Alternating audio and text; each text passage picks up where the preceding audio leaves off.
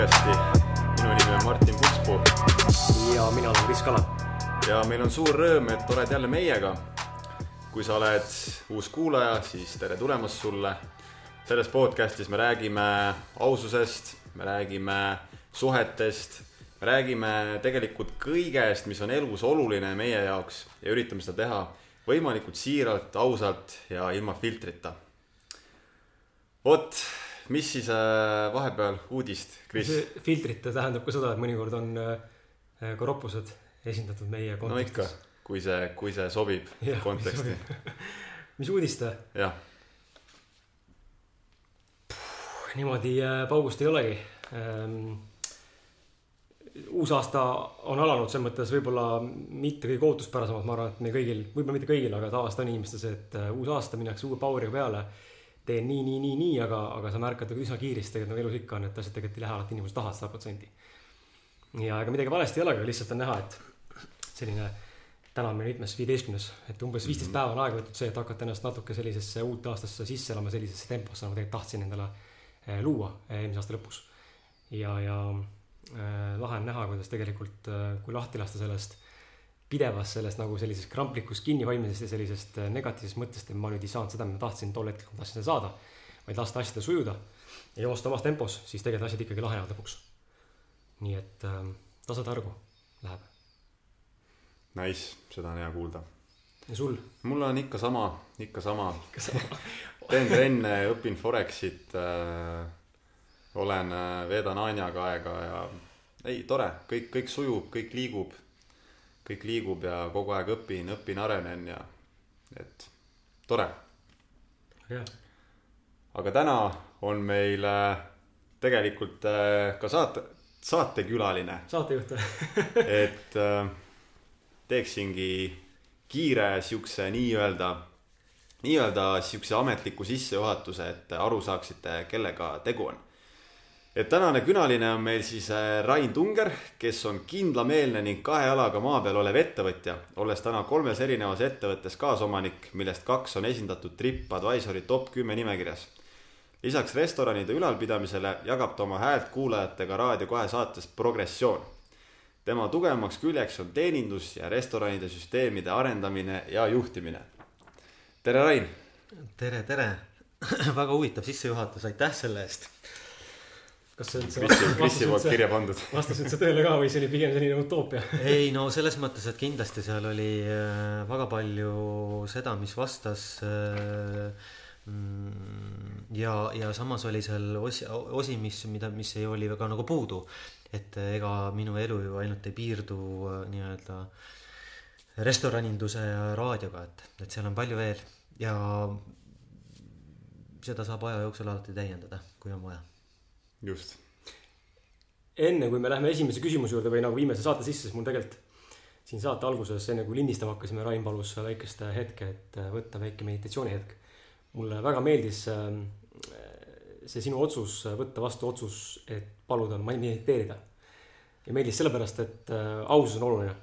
ja tihtipeale, mida me näeme inimeste juures, ka enda puhul mõnikord ja, ja tihtipeale on see, et kui me oleme seltskonnas või väljaspool enda nii-öelda sellist, ütleme, turvatsooni ehk kodu, kodupiirkonda või tuttavate piirkonda, kus me, kus inimesed teavad, kes me oleme, me teame, kuidas me käitume, kuidas me harjunud käituma oleme.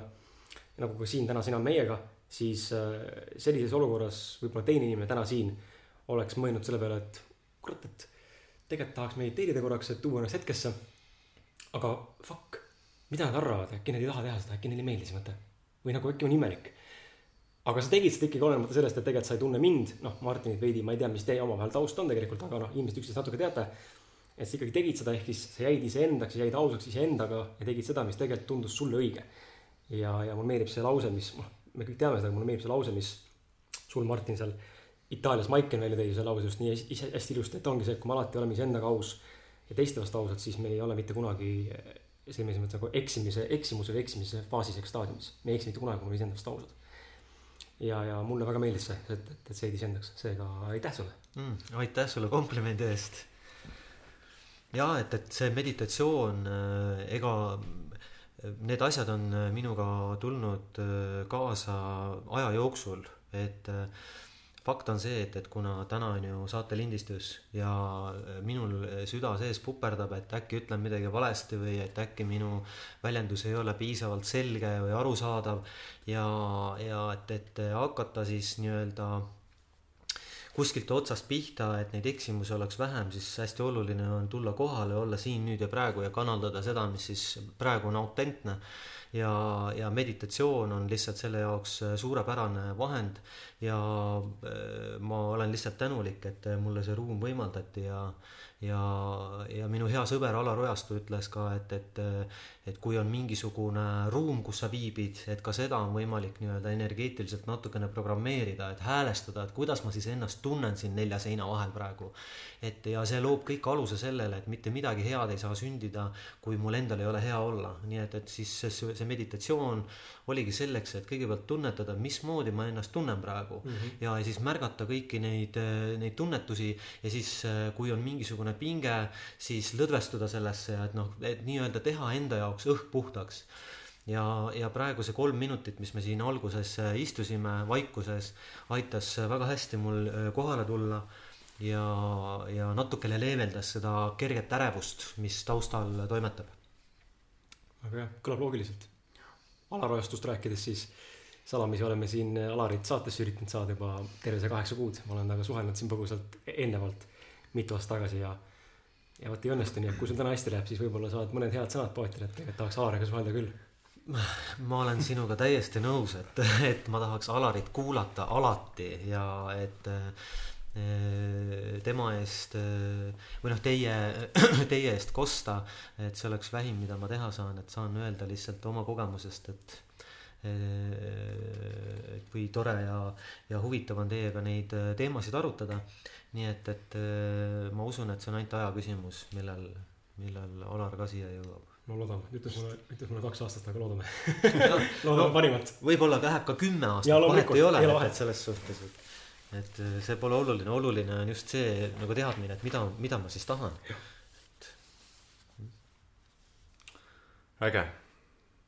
äkki, äkki sa räägid meile lühidalt nagu nii-öelda oma loo, et äh, esiteks, kuidas sa jõudsid selleni, mida sa täna teed, ehk siis äh, restoranide juhtimine ja, ja, ja muusika näiteks ja, ja, ja kust sai nagu sihuke sinu teadlikum selline enesearengu teekond alguse mm.. seda vaimset nüanssi tahaks ka kindlasti lõpus nagu kuulda niimoodi põgusalt, et kuidas sa jõudsid siia siis?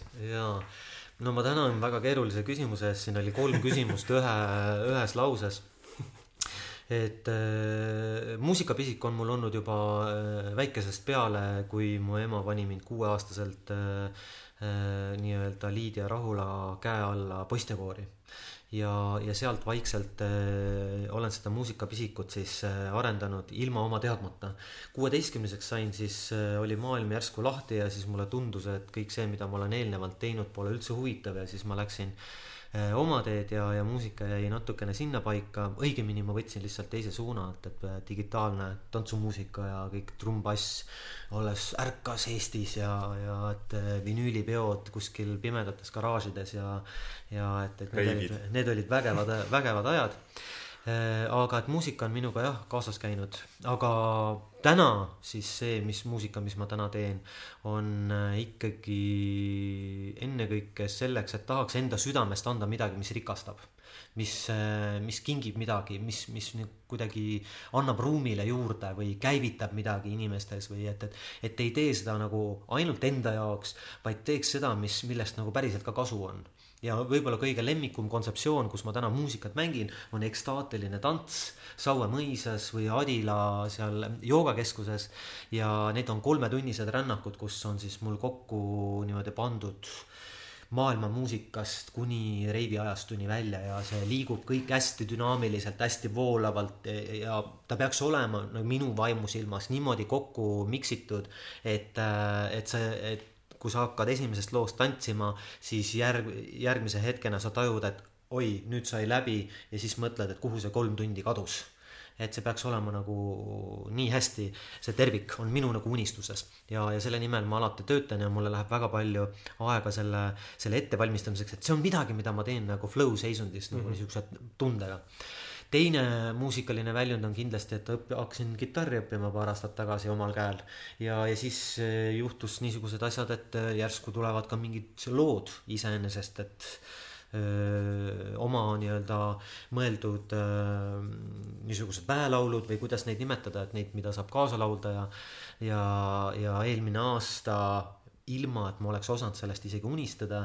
Äh, esinesin koos äh, Tom Valsbergiga väelauludel äh, lava peal juba, ilma et ma oleks kunagi käinud kellegi käe all kitarri õppimas või et kui ma oskaks rohkem kui kuute tuuri mängida, aga selle, see, sellest piisas mm, -hmm. et, et oma ettekanne või see, see etteaste ära teha ja mm, -hmm. ja tagasiside oli väga positiivne, nii et ma olen tänulik, et maailm ja aeg ja ruum on mulle nagu võimaldanud selliseid kogemusi segan korra vahele, see, et see ongi huvitav, et äh, huvitav nagu kuulata, kuidas me oleme siin varem ka inimeste seda teekonda kuulanud ja enda teekonda tähele pannes ka, kuidas tegelikult võttes selle muusika nagu näiteks praegu siin.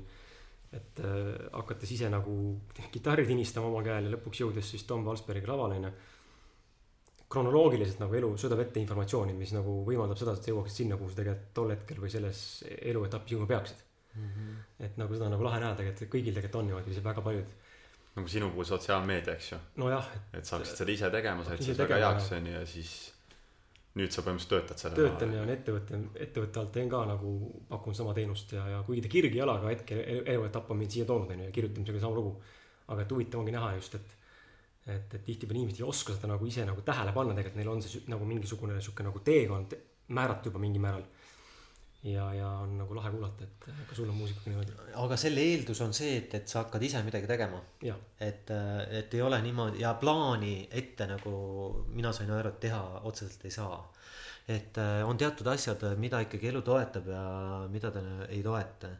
et ma toon veel ühe lambi olukorra, kus äh, ma läksin äh, Namaste poe niisugune lõpuüritus oli, kus siis hooaeg lõppes nende jaoks ja nad müüsid seal kõike oma nii-öelda pudi-padi äh, nii-öelda natuke odavama hinnaga ja seal oli ka mingisugune ühislaulmine, niisugune no kakskümmend inimest umbes mm. -hmm. ja ei olnud äh, nii-öelda väga tähtis üritus otseselt, aga mul oli kuidagi tunne, et ma tahaks sinna minna ja, ja kuna Tom on ka seal ja et, et laulmine on viimasel ajal mulle väga kuidagi hingelähedane. Ja läksin sinna koha peale ja, ja, ja ja juhtus niisugune asi, et kui sa oled õigel ajal õiges kohas, et seal juhtus olema üks äh, naisterahvas, kes äh, võttis minuga hiljem ühendust, et märkasin sind seal Namaste poes, et laulsid ja rääkisid päris toredasti sisemisest vabadusest. et, äh, et üks asi, mida mitte keegi meilt ära võtta ei saa, on sisemine vabadus. et sa võid võtta mult kõik asjad ära, aga sisemist vabadust ei saa keegi ära võtta mult. ja see kuidagi jäi talle meelde ja, ja siis, et mis sa arvad, kas sa tahaksid esineda TEDx Tartus ja, ja mina seda inimest ei tundnud ja et, et kuidas siis täiesti mitte kusagilt võib tekkida selline side, selline, selline ettepanek. ja see sai sündida ainult sellepärast, et ma võtsin ette selle teekonna, et sinna minna, et seda ühislaulmist teha ja, ja ilma, et sellel mingisugune suurt tähendust oleks olnud. nii et, et need juhused saavad tekkida ainult siis, kui ise nii-öelda energeetiliselt investeerid sinna. aga see ongi see, see näide, eks ju, et see justkui oli nagu väike üritus, aga sul oli mingi sisetunne oli tugev, et sa pead sinna minema, et sa tahad mm -hmm. sinna minna, eks ju mm. -hmm. oli küll jah. see ongi nii huvitav, kuidas see sisetunne, see nagu kõneleb meiega kogu aeg, et ütleb, et mine sinna või tee seda, eks ju, nagu tundub just õige tunne. ja nendest sünnivadki need tihti need suured võimalused, et. kas äh, teile endale, ma ei tea, kas te olete mõelnud ei ole, aga ma olen tihtipeale mõelnud selle sisetunde peale ja intuitsiooni peale, sest et aastate jooksul ma olen hakanud nagu tähele panema, et mul inimestega suheldes ja elus teatud nagu sügavamate valikute puhul on see väga-väga tugev, et väga täppi nagu läinud. ilma, et ma oleks treeninud seda, just ennast nagu kuulates ja ennast usaldades, et kas see äkki on meie, tegelikult meie tõeline mina. tõeline, tõeline mina, kes ma tegelikult siin hingena tegelikult või nagu vaimuna olen vot ma jään sellele vastuse võlgu, et see on nii suur küsimus, aga aga selles suhtes ma olen nõus, et äh, keha ei valeta ja, ja et, et lihtsalt äh, mina isiklikult olen täheldanud, et ma elan nii suure müra sees ja müra all ma mõtlen ka minu mõistust, mis töötab kakskümmend neli seitse ja ja et ma ei kuule iseenda seda kõrgemat mina või seda juhatust, mis siis keha annab aga praktika, mida ma praegu praktiseerin, circling ehk siis niisuguse otsekohese aususe praktiseerimine ühe, praeguses ajahetkes on aidanud mul natukene ühendust saada nii-öelda kehaliste aistingutega, emotsionaalse keha aistingutega ja mõtete niisuguse eristamisega. ja muidugi mindfulness'i kursused on ka väga suureks abiks olnud ja, ja tänu sellele on võib-olla olnud natukene suurem šanss kuulata seda, kuulda seda sisemist häält, seda sisemist kutset rohkem. aga eks see on niisugune protsess äkki sa põgusalt räägiksid, mis see circling on ja, ja, ja see kindlasti pakub väga paljudele meie kuulajatele ka huvi, et. kui ma seda küsimust nägin, siis mul oli kohe küsimus, et äh, mis see siis on? see on lihtsalt, see on üks meetod, see on üks meditatsioon, kommunikatsiooniviis, et äh, äh, nii-öelda autentse ja aususe praktika praeguses ajahetkes. Ja see on, jätab välja mõistuse mula, et niisugused äh, kontseptsioonid, arvamused, eelarvamused, iseenesestmõistetavused, kõik niisugused asjad, et kõik, mis tuleb mõistusest nagu otseselt äh, siinkohal no ei aita.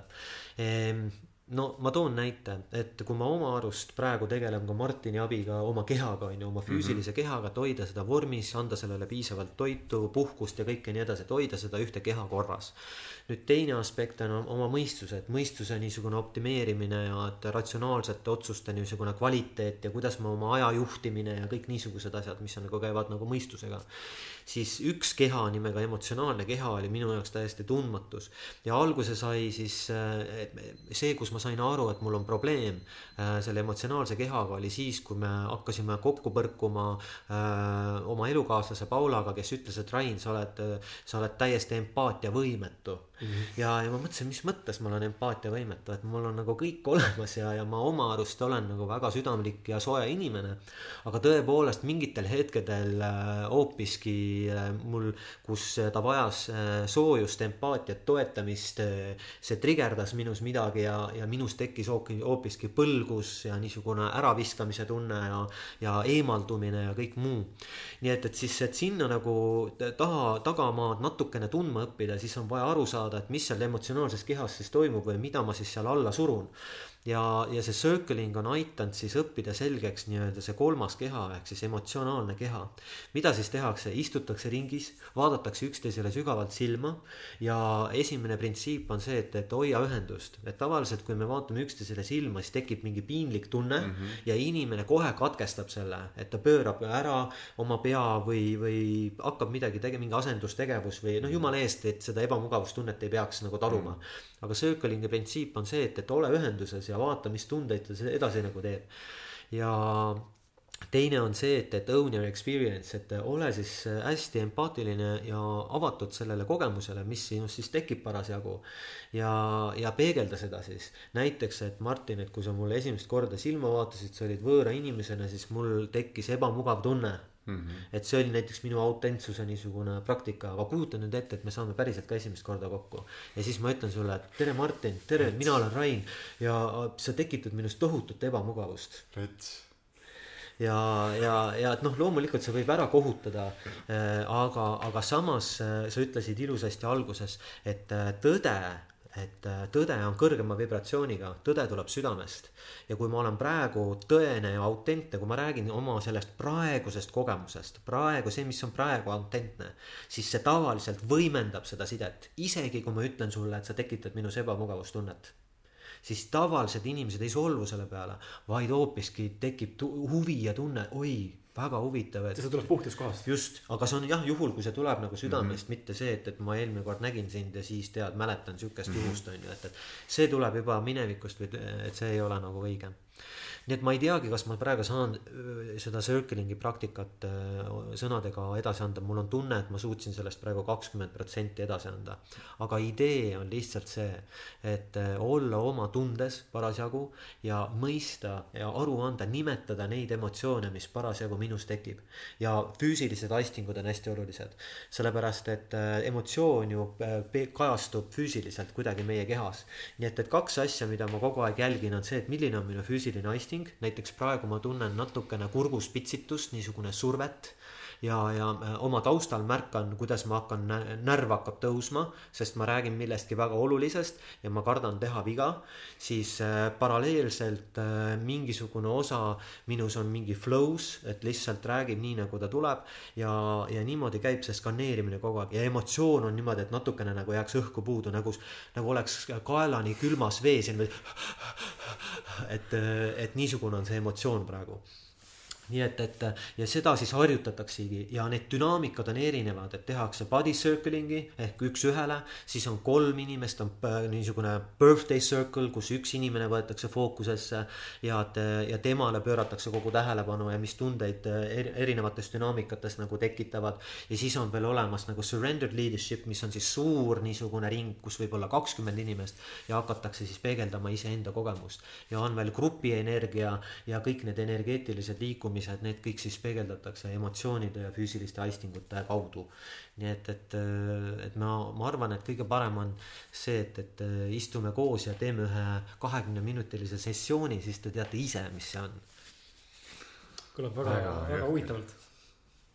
huvitav on just see, et noh, see ausus on noh ma ei jõua, ma arvan, me ei jõua Martiniga seda siin saates ära leierda, täna on osa kolmkümmend seitse, et läbi teema igas saates ja, ja ise nagu nähes seda, kui ma võtsin vastuse olla aus iseendaga ja aus teistega, vaatamata, mis tundeid see teistes tekitada võib, nii-öelda mitte et kui ma ütlen midagi, mis minu jaoks praegu on autentne ja õige, mida ma tunnen, et isegi kui inimene solvub, siis, siis mina ei pea ennast nagu halvasti tundma, sest et ma olen, ma olen, ma olen see, kes ma olen ja ma olen see, mis ma praegu olen siin hetkes. aga ausus on, aususega toime tulla inimestel on tihtipeale väga raske, nagu sa ütlesid ka, et inimesed kohkuvad neile, et issand, et see tekitab minust tohutut ebamugavust praegu. ja, ja tundubki, et noh hästi raske on inimestel, eriti nendel, kes pole seda ausust niimoodi praktiseerinud, võib-olla ei ole kogenud niimoodi hästi ausaid inimesi. Neil on väga raske vastu võtta tegelikult seda, mis on noh, mis on tõde, tegelikult tõde tegelikult tol hetkel mm. -hmm.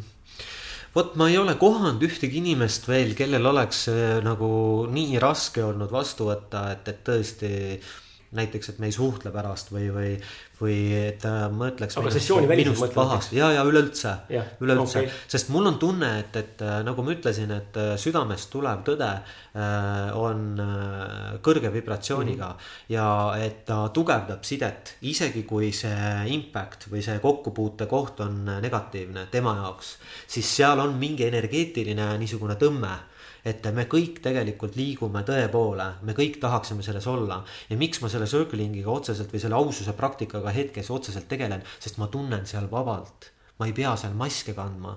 ja kui ei ka panna maski, see on ju tohutu koorem läheb õlgadelt ära.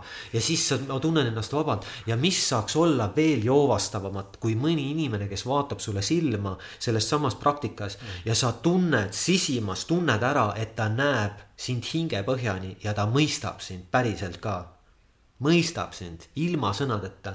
ja, ja need on need tunded, mis mind nagu kisuvad selle aususe poole mm. ja et, et need eh, kõik, mis on vale, näiteks kui inimene räägib äh, ikkagi mingi läbi mingi persona, siis äh, aus, siit sellest vibratsioonist ma tunnen ka kohe ära, et jah, et sa räägid, see kõik, mis sa räägid, on õige, aga mul tunne, et ma nagu ei saa siin nagu ühendust, et ühendus on nagu nõrk mm.. et ma, et see pole nagu vist päris sina et kõik on õige, mis sa räägid, aga mm. noh, et, et see ei pruugi mm. olla näiteks sina ja selle tunneb ära nii et, et äh, seda tuleb lihtsalt harjutada ja ma arvan, et äh, läbi eeskuju ennekõike, et kuidas panna huvituma nendest teemadest äh, teisi, siis seda saab teha ainult läbi oma eeskuju nii et ma seda loodangi, et kui mina püüan kogu aeg ise olla aus iseenda vastu, teiste vastu, haiget tegemata ja püüdmata nüüd on ka niisugune radikaalne tõde, et sõidan kõigile sisse, et ei, et, et.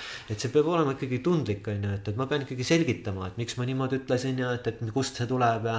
et ma ei soovinud sellega üldse halba, vaid ma soovisin olla endaga, enda vastu aus selles osas. ja, ja siis, siis on võimalik seda teha ka niimoodi pehmelt, et mm, -hmm. et keegi no ei saa haiget otseselt jõhker, see on, ma nagu enda puhul tunnen just seda, et äh, ütleme selliste inimestega nagu meie, äh, kes on juba, teevad nii-öelda siukest sisemist tööd iseendaga, on nagu lihtne olla, olla aus, see ei tekita nagu sihukest plokki. sest ma tean, et teine inimene mõistab sind, aga näiteks sihuke inimene, kes mulle tundub, et ta ei ole mitte kunagi mitte mingit sisemist tööd endaga teinud. selliste inimestega ma tunnen, et ma kohati nagu kardan olla aus või nagu kardan, et minu ausus ehmatab nad eemale või tõukab nad eemale. või käivitab mingisuguse ja. eba, ebameeldiva konflikti või olukorra. tihtipeale ma ei tea, kuidas, kas sul on jah, vabandust, aga mida sa seal kardad siis, kas sa kardad tema reaktsiooni või sa kardad omavahelist suhet äh, rikkuda sellega? jah, tõenäoliselt ma kardan seda omavahelist suhet rikkuda mm. -hmm. Mm -hmm. sest teisest küljest, kui sa oled temaga aus, on ju, oletame, lähebki trigerdad või mida, noh, vajutad temas midagi, mis käivitab mingi protsessi, siis tegelikult see on ju positiivne. Mm -hmm. See on ju positiivne, sest ja. mida rohkem ma sinna peale vajutan, seda rohkem ma sinna tähelepanu suunan, on ju. ja sellega tegeleb, nii et, et, et otseselt see halb ei ole, aga kui võtta vastutus. siinkohal ma nüüd natuke nokin su kallal, on ju, et ära sa pane pahaks, et siis, et siis, siis äh, tundub, et ongi see, et, et sa ise ei taha seda konfliktset olukorda või et sa ei taha seda reageeringut ja sa ei taha seda ebamugavustunnet, kus sa näed, et mm. issand jumal, et see inimene vist ei mõistnud mind õigesti ja mm. et, et nüüd ma vajutasin temas midagi, et issand, mis, mis, mis nüüd sellest saab ja, ja nii edasi ja nii edasi mm. -hmm. tõsi, pluss ma vist kuidagi ja, ja tegelikult jõuamegi alati tagasi iseendani. et ma tõenäoliselt, mul nüüd tuli see mõistmine, et ma tõenäoliselt, ma kardan näidata kõigile seda, kes ma olen tegelikult. Kui ma näen, et inimene, eks ei ole mitte mingit sisemist tööd endaga teinud, tal on maskid ees kõik, onju. siis ma kardan nagu näidata ennast maskideta. kuidagi mingi hirm on saada nagu ise häbistatud, kui ma olen täiesti aus teisega ja näitan nagu, kes mina olen et võib-olla ma arvan, see tuleb ka lapsepõlvest, kus, eks ju, ütleme sihuke varane pubek, iga kutid võtavad mõõtu üksteisega, on ju, kes on kõvem vend, kes on ägedam. ja seal oli nagu just see nii-öelda õrn iga, kus nii kui sa näitasid mingit pehmemat poolt endast, see sai kohe nagu maha tehtud. ja, ja tõenäoliselt see ongi seesama hirm tegelikult, et. et just, et nagu ma ise panen ka tähele just mingite inimestega, ma võtan ka nagu mingi maski ette. et ma nagu ei julge näidata seda pehmet poolt endast, seda, seda siukest. jah, seda poolt. mm.. Endale praegu, et see, mis sa räägid, nagu tundub no hästi ilus. et ma praegu vaatan sulle otsa samal ajal ja, ja mulle tundub, et, et see on niisugune ilus ja õrn aspekt, milles, mida sa Mhm. mm. praegu endast nagu äh, näitad. mm. -hmm. Jah. aga ma arvan, Kris äh, nõustub minuga täielikult, eks ju, et noh, see saade ka, millest me räägime, aususest, et äh, ausus on meie jaoks nagu ülim spirituaalne praktika elu eliksiir või? ja, ja et äh, mis, mis, mis sa, Rain, arvad sellest? issand, ma ei, ma olen üsna ettevaatlik igasuguste tiitlite ja niisuguste siltide panemisega, et äh, mina olen jõudnud äh, aususe, täna ma olen kolmkümmend kaheksa aastat vana ja ma olen jõudnud aususeni, ütleme alates kuskil äh, kõik hakkas idanema siis, kui ma sain kolmkümmend, et siis ma hakkasin nagu ajudega mõtlema. et enne seda ma mõtlesin genitaalidega, vähemalt sihuke tunne oli. et, et kõik muu asjad muud oli nagu tähtsad. aga, aga võib-olla selle aususe praktika kõige olulisem läbimurre on olnud ikkagi viimastel aastatel nii et, et äh, teil on kõvasti edumaad võrreldes äh, minuga. nii et, et mul on hea meel ümbritseda ennast äh, inimestega, kes väärtustavad ausust, et see on minu arust kõige parem viis ise kasvada. ja, ja, ja ka kasvõi on ju kõik mentorid räägivad, et ümbritse ennast inimestest, kelle, kelle moodi sa tahad olla, et sa saad lihtsalt üles korjata, õppida. samamoodi nagu lapsed õpivad kogu aeg ümbert, ümber olevatelt inimestelt. ja kui teine inimene ütleb ausalt välja, et tead, et ma olen teist vähemalt korra halba mõelnud, on ju. siis, siis võib-olla see võtab minust pinge maha, et, et ma võin ka järgmine kord öelda, tead, et, et ma ei ole, ei ole selle üle uhke, on ju, aga ma olen sinust halvasti mõelnud. mm. Enne kui ma uue küsimuse ette võtan, esimene küsimus on niimoodi poolikult triivima läinud vastu, vastamata jäänud, et äh, räägi, kuidas sa jõudsid äh, restorani business'i või äri juurde? Äh, see oli ka ikkagi läbi juhuse, et äh, ähm, mul oli vaja kiiresti iseseisvuda, kui ma olin noor, kuueteistkümne aastaselt ma läksin juba kodust ära ja oli vaja kiiresti töökoht leida ja ma läksin äh, esimese, esimene töökoht oli mul hotellis.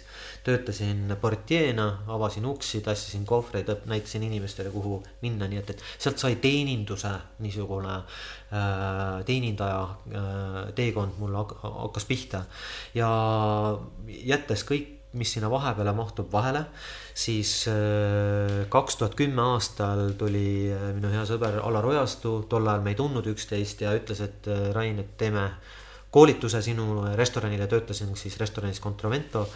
ja, ja lõpuks siis lõime käed ja tema kahepäevane koolitus keeras mu nagu pea peale. ja, ja ma sain aru, et, et, et ma olen maganud viimased paarkümmend aastat, et ma ei ole üldse tegelenud enesearenguga teadlikult ja nii edasi ja nii edasi. ja siis ma loobusin kogu sellest teenindusest, ma arvasin, et mul on sellest villand. ja, ja ma hakkasin hoopis müüma koolitusi, aga minu õnnetuseks restoranipidajad ei väärtustanud üldse seda, et, et oma inimesi koolitada. Isegi kui see summa ühe inimese kohta oli täiesti sümboolne ja, ja ma tänu sellele äh, elasin läbi oma teise pankroti, isikliku pankroti. kus ma siis, mul ei olnud enam raha, et üüri maksta ja süüa osta ja siis ma pidin minema palgatööle tagasi. ja see oli kaks tuhat kaksteist Äh, kui äh, ma töötasin siis hoopiski ühes veinifirmas, ma olen ka sommeljee, äh, karsklasest sommeljee tänaseks, see on ka nagu sihuke huvitav paradoks ja, ja, ja siis äh, elu kutsus mind tagasi restorani teenindusse, kus mul paluti ühte siis äh, restorani, et seal parandada teenindust, see oli kaevukohvik tol ajal, kaks tuhat kaksteist lõpp. Ja, ja kui ma sinna läksin, siis ma vaatasin, mida siis on vaja nagu selle teenindusega teha, et seda parandada. ja siis ma sain aru, et issand, et seal on nii palju puudusi, et seal on see töökeskkond ei toeta, meeskonna valik ei ole õige, neid ei ole piisavalt koolitatud, motivatsioonisüsteemid on äh, välja töötamata. seal on nii-öelda nii-öelda töö tähendus on olematu äh,. Tunnustamisest ei ole seal lõhnagi äh,, paindlikkust äh,, kõik on ajast ja arust, natukene kvaliteet on madal, ettevõtja mentaliteet puudub, et kõik panustavad, annavad mingisugused noh, eesmärgile suunatud mingi tegevused, see ei ole lihtsalt, et viim veeretame oma äh, aja nagu õhtusse ja, ja siis need kirjad, mis ma nendele osanikele kirjutasin, olid nii konstruktiivsed vist, ma praegu oletan. et äh, mingi hetk nad palusid, et kuule, et kas sa tahaksid äkki hoopis meiega liituda nii-öelda partneritena. ja, ja mina ütlesin, et, et sorry, aga mul ei ole nagu sääste, et ma olen just nagu pankrotist välja tulemas, on ju ja me seis-, me saime seal sellise kokkuleppe, mis oli minu jaoks taevane kingitus, tavaliselt ei tehta siukseid, ma saan aru, et mitte kellelegi ei tehta niisuguseid ettepanekuid. kus mulle öeldi see, et, et kui ma saan selle restorani käima, siis äh, selle ettevõtte tuludest ma saan järk-järgult maksta seda oma osa nagu kinni mm. -hmm. ja, ja, ja siis avaneski mul mingisugune imepärane võimalus lambist Äh, see asi nii-öelda ellu viia ja seitsme kuuga me saime selle asja seal tööle, nii et, et ta oli ka veel Tripadvisor number üks ja täna on ta ligi kuus aastat seal siis äh, esimesel kohal olnud. nii et, et äh, ma saan olla ainult õnnelik selle üle ja tohutult on sinna muidugi tööd ka sisse läinud, aga enamasti ma tunnen, et ma olen lihtsalt õnnesärgis sündinud. kuidagi, noh, Alar ütleks selle peale, et vedas raisk. et, et noh ja, ja siis meie koostöö partneritega oli niivõrd hea, et, et mind kutsuti ka järgmist restorani tegema, mis oli siis Pegasus, siis tuli juba väike rataskaevu sinna laiendus nii-öelda eelmisele. ja, ja nüüd meie viimane väike tütreke on Ülo või pojake, pojake, et kuidas nimetada jah. et Äh, ja niimoodi on meie koostöö täna siis kuus aastat olnud. nii et, et tegelikult mul ei olnud jälle mingit plaani, et minust saab ettevõtja, ma pean hakkama mingeid restorane tegema, et kindlalt on neid rohkem kui üks ja, ja nii edasi ja nii edasi. et kõik kasvas väl, väikesest, lihtsalt keskendun ühele õigele asjale, teha seda maksimaalselt hästi, anda endast alati natukene rohkem ja siis imed võivad juhtuda ja minuga juhtus ime. nii et, et ma ei oska seda teistmoodi öelda, et, et kui keegi küsib, et mis see retsept on, siis ma arvan, et retsept on lihtsalt ette ettevõtja mentaliteet, mis see tähendab? Minu jaoks? see tähendab see, et, et igal pool on mingi vajadus, ükskõik kuhu sa lähed, ei ole olemas ideaalset töökeskkonda, ei ole olemas ideaalset kodu, ei ole olemas ideaalset partnerit, ei ole, aga me kogu aeg liigume selle poole. ja kui ma võtan näiteks Martin, sinu kodu, et sa leiad kindlasti mingisuguse nurga, mis vajaks kordategemist, reformi, mis vajaks uuendust, mingit uut lahendust ja nii edasi. aga kuna sul on nii palju asju, siis sa ei jõua sellega otseselt tegeleda, võib-olla, või võib-olla seal ei olegi vajadust hetkel ka nii palju. sama on ka ettevõtte siseselt, noh näiteks seesama, kus ma siis läksin, on ju et äh, ma tegin, kõigepealt märkasin vajadust, siis tegin ettepanekud, et selle võiks korda teha ja kuna seal ressursid puudusid, siis ma tegin ettepaneku, et kuule, et mul on vaja seda, seda ja neid inimesi siia, et, et ma teen selle ise ära. ja siis loomulikult äh, juhid tavaliselt on nagu lihtsalt löövad käsi kokku, aitäh sulle, sellepärast et neil on nii palju muid asju. ja nüüd, kui ma teen midagi ära mingis organisatsioonis omal initsiatiivil, siis äh, mis juhtub, on see, et sa saad automaatselt veel sada nelikümmend asja, mis vajaks ärategemist on ju, ja sa saad ametikõrgendust kohe, sellepärast et alati on nii palju asju, mis vajaksid tähelepanu ja tegemist ja, ja, ja see ongi minu jaoks niisugune ettevõtja mentaliteet, et märka vajadust, võta ette ja tee ära. ettevõtja, võtan mhm. ette, teen ära. ja, ja selleks ei ole vaja eh, hoida ennast raamides, et umbes mina olen teenindaja, minu ülesanne see ei ole on ju, see ongi kaks mõtlemisviisi, üks on see, et, et teen nii vähe kui võimalik ja nii palju kui vajalik. Ja teine on see, et, et minu töö, minu töökoht minu töökeskkond, minu meeskond, minu võimalused, minu kõik noh, et, et sealt hakkab see loovus käima. Ja, ja mina puu, puu, puu, ei ole pidanud tänaseks vist ühtegi CV-d oma elus kirjutama et alati on tulnud mingi uus pakkumine. ja ma arvan, et selle põhjuseks on seesama, et, et igale poole, kuhu ma läksin, ma püüdsin hakata kohe seda keskkonda parandama, seda mm. meeskonna vaimu parandama. kõiki asju nagu jälle panna nagu tõusu suunas äh, liikuma, reformima, uuendama, märkasin, midagi on seal jälle, ei ole õigesti, teeme ära. ja nii edasi ja nii edasi. ja, ja niimoodi siis ma saingi kuidagi ettevõtjaks. päriselt ka.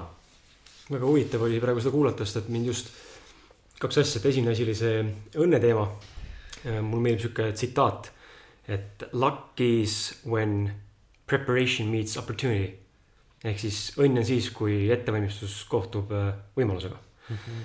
ja teine asi, mis mulle väga meeldis, oligi see, et see ettevõtja, et mitte nagu termin ettevõtja ise, vaid just need kaks erinevat lüüa see üks nagu mõiste lahku laiali on ettevõtja on ju.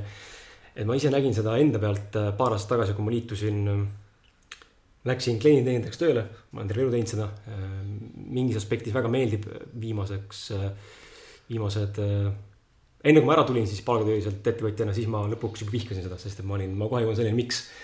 aga, aga läksin, läksin klienditeenindajaks spordipoodi ja, ja ma mäletan, et just seesama lause sinu poolt, et see näidata välja initsiatiivi ja seda, et ma tahan olla ja teha seda asja paremaks. ma näen viga, ma teen paremaks, isegi kui see minu töö on, ma tahan ikkagi teha korda. ja mäletan, et esimese ma ei tea, ma olin kõige uuem töötaja seal meeskonnas, äh, pesamuna. inimesed ei töötanud seal mitu aastat juba ja siis äh, esimese paari kuuga ma suutsin niimoodi nagu puhtast heast südamest ja heast tahtest nagu niimoodi push ida ennast ja ma jäin kõigile silma. ka nende inimestega, kes on siis nii-öelda kõrgemal pool.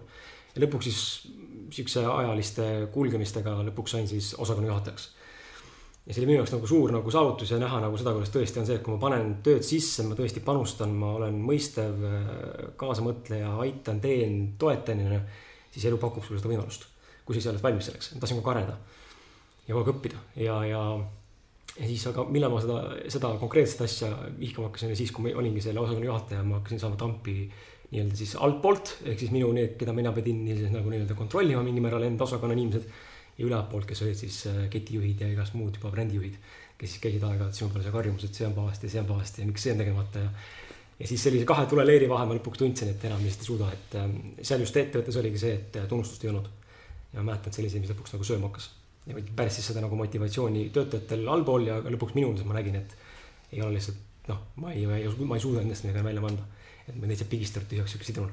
täitsa nõus ja, ja siis minu küsimus ongi kohe, et, et siis miks kõik noored tahavad juhiks saada et eh, see on ju tegelikult ei ole hea koht, et see on päriselt, ongi minu arust elus ka nii, et sa saadki, ühelt poolt survestatakse sind, töötajad survestavad sind kogu aeg, et tahaks paremaid töötingimusi ja, kõike muud ja teiselt poolt omanikud survestavad sind, et, et kuule, tõmba need töötunnid maha, on ju, et siin on liiga suured kulutused ja siis leida seda balanssi seal vahel. et see on väga-väga-väga keeruline, aga ma saan aru, miks kõik tahavad seda, on sellepärast, et me soovime oma elujärge parandada ja, ja see on see nii-öelda see äh, vertikaalne niisugune süsteem või noh, kuidas me liigume edasi, et saada nagu parematele äh, või noh, paremat palka ja paremaid tingimusi ja võimalusi äh,. on ainult minna ülesse, aga aru andmata, et kas ma siis ise tahan tegelikult see juht üldse mm -hmm. olla ja kas minus on need üldse on need omadused olemas ja olla hea juht ja nii edasi nii et, et siin ma usun, et jällegi ettevõtja seisukohast ma vaatan, et on hästi oluline luua see arengupotentsiaal ka eh, nii-öelda rollisiseselt, et eh, näiteks teenindajal oleks võimalik areneda horisontaalselt.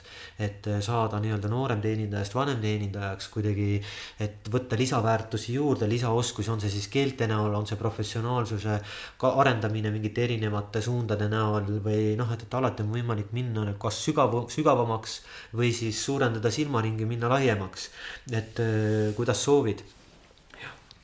Mäletan seda, et enne kui, enne kui see vastu võtsin selle või noh, enne kui see minu elus jõustus see äh, võimalus, siis, siis mu isa, kes oli endine olümpiakasiinos väga pikalt töötanud äh, saali juhatajatena ja siis oli viimati Plaza's teenindusjuht, ütles ka, et ole valmis, et. et sa saad tunda, mis on olla siis kahe nagu leeri vahel, et see ei ole hea tunne. ja, ja siis ma lõpuks sain tunda seda ja nüüd ongi hea kuulata tegelikult, et see vastabki tõele, et et, et see ei olnud nagu väga-väga meeldiv kogemus tegelikult viimased, viimased aasta, võib-olla isegi rohkem veidi. Sa mainisid ka hästi olulist asja, et, et tunnustust ei olnud mm,. et äh, seda on kurb kuulda, sellepärast et äh,, et Alar ütles ka mulle, et, et äh, positiivse psühholoogia uuringud näitavad seda, et tunnustus on ennekõike äh, heade tulemuste eeldus, mitte tagajärg et äh, kui meid tavaliselt tunnustatakse selle eest, et me oleme millegi heaga hakkama saanud, siis äh, tegelikult see on selle eelduseks, et äh, näiteks väikelapse puhul me teeme seda automaatselt, et kui ta võtab kaks Lego klotsi esimesena kätte, siis me ei sajata talle, et kuule, kasva suureks, enne kui sa oskad sellest midagi ehitada, on ju. vaid me tunnustame teda, et oi kui äge, näed, järgmisena pane need kaks asja kokku, on ju, et, et ja nii edasi, et aga mingist hetkest see muutub ja me tunnustame mingeid tagajärgi ja, ja nii-öelda nii, nii seda tulemust ainult ainult. aga, aga see, et see saaks muutuda äh, on minu ainukene nii-öelda nägemus, on see, et hakka ise tunnustama et ja mida rohkem ma oskan, saan, suudan ise tunnustada äh,, seda parem, aga mina, mina, mind on ka ainult üks, noh näiteks täna on neli restorani, kuidas ma siis jõuan kõikide nende äh, kahesaja inimeseni on ju, teoreetiliselt ei jõuagi, aga siis, siis ma parem teen kokkuleppe kõikide kolleegidega, et kõik tunnustame. Ja nüüd kujuta ette siis seda hommikul, kus ma reaalselt kogesin, et tulin paha tundega tööle. siis tuleb esimene inimene vastu, oo Rain, tšau, tule siia, me oleme täna tööl või? Oi kui kõva. ja siis ta tuleb, kallistab mind, mina nagu kohmetult niisugune vaatan kõrvale ja, ja inimene kallistab mind, noh, ei ole nagu sihuke hea kontakt. aga noh, mingi gramm midagi minus muutus ja tuleb vastu teine inimene ja ütleb, oo tšau, tule siia, kallis müdi kõva, et me saame nagu koos täna tervet päeva teha ja, ja kaks-kolm inimest tulid ja tunnustasid mind kohe töö juures äh, mingisuguse kolmekümne, neljakümne meetri peal. ja minu seisund oli totaalselt muutunud viie minutiga, ma olin valmis tegema kõige parema tööpäeva enda elus. Ja hetk tagasi mul oli just, oli mott maas, ma ei saanud aru, et äh, natukene segaduses, et mida ma nagu üldse tegema pean ja mida ma tahan. ja nii edasi ja nii edasi ja see tunnustus lihtsalt aitas mind sellest august välja.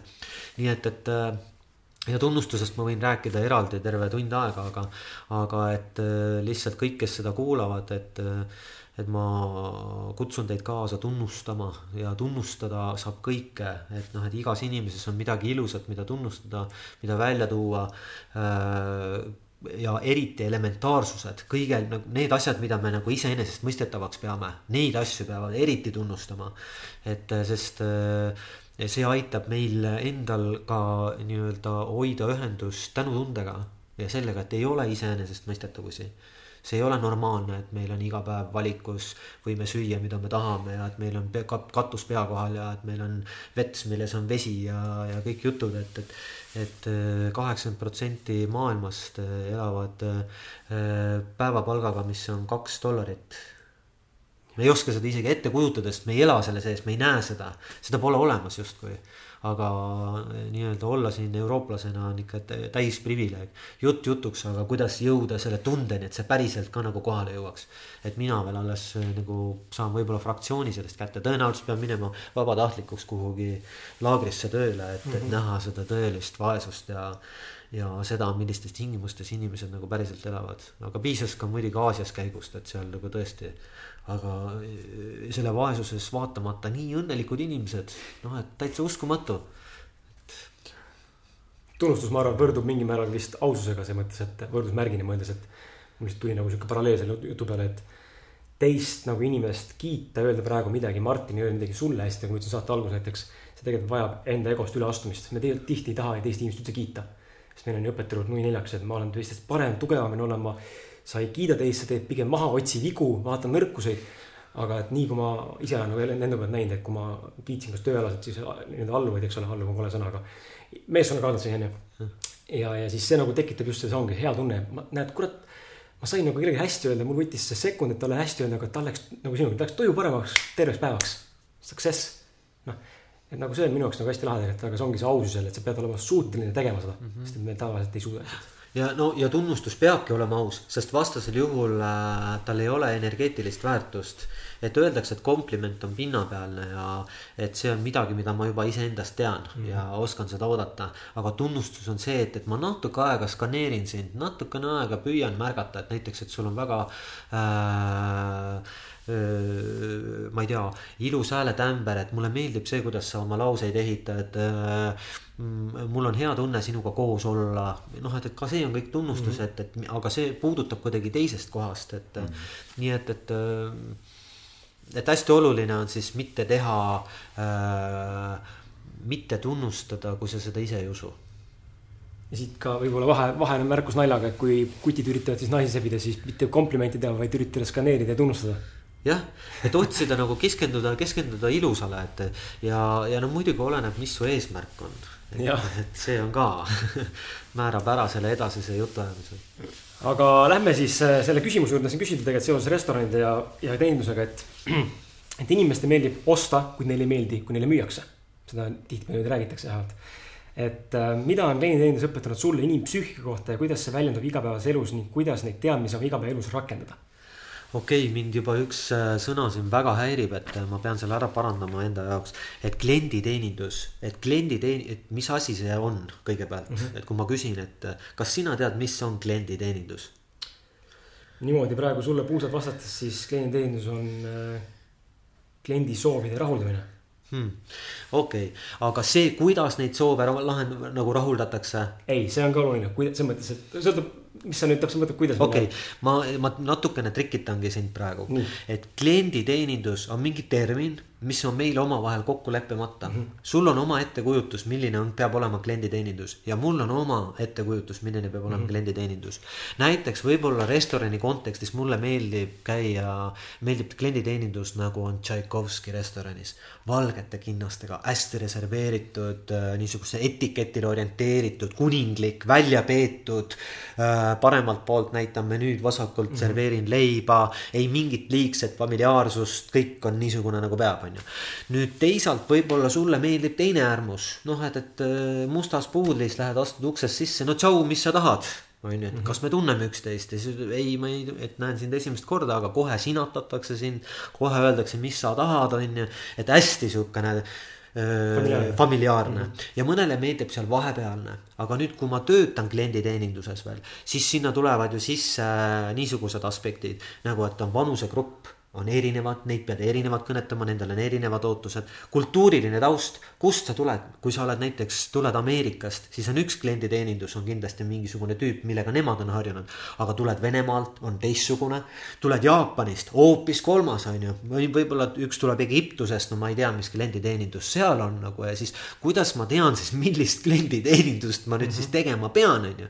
ja mõned noored ütlevad, et ah, ma tunnen kohe inimese ära, et mismoodi ma temaga käituma tean, käituma ma pean. no ma ei ole ühtegi hiromanti oma elus näinud ja ma kahjuks kahtlen selles väites.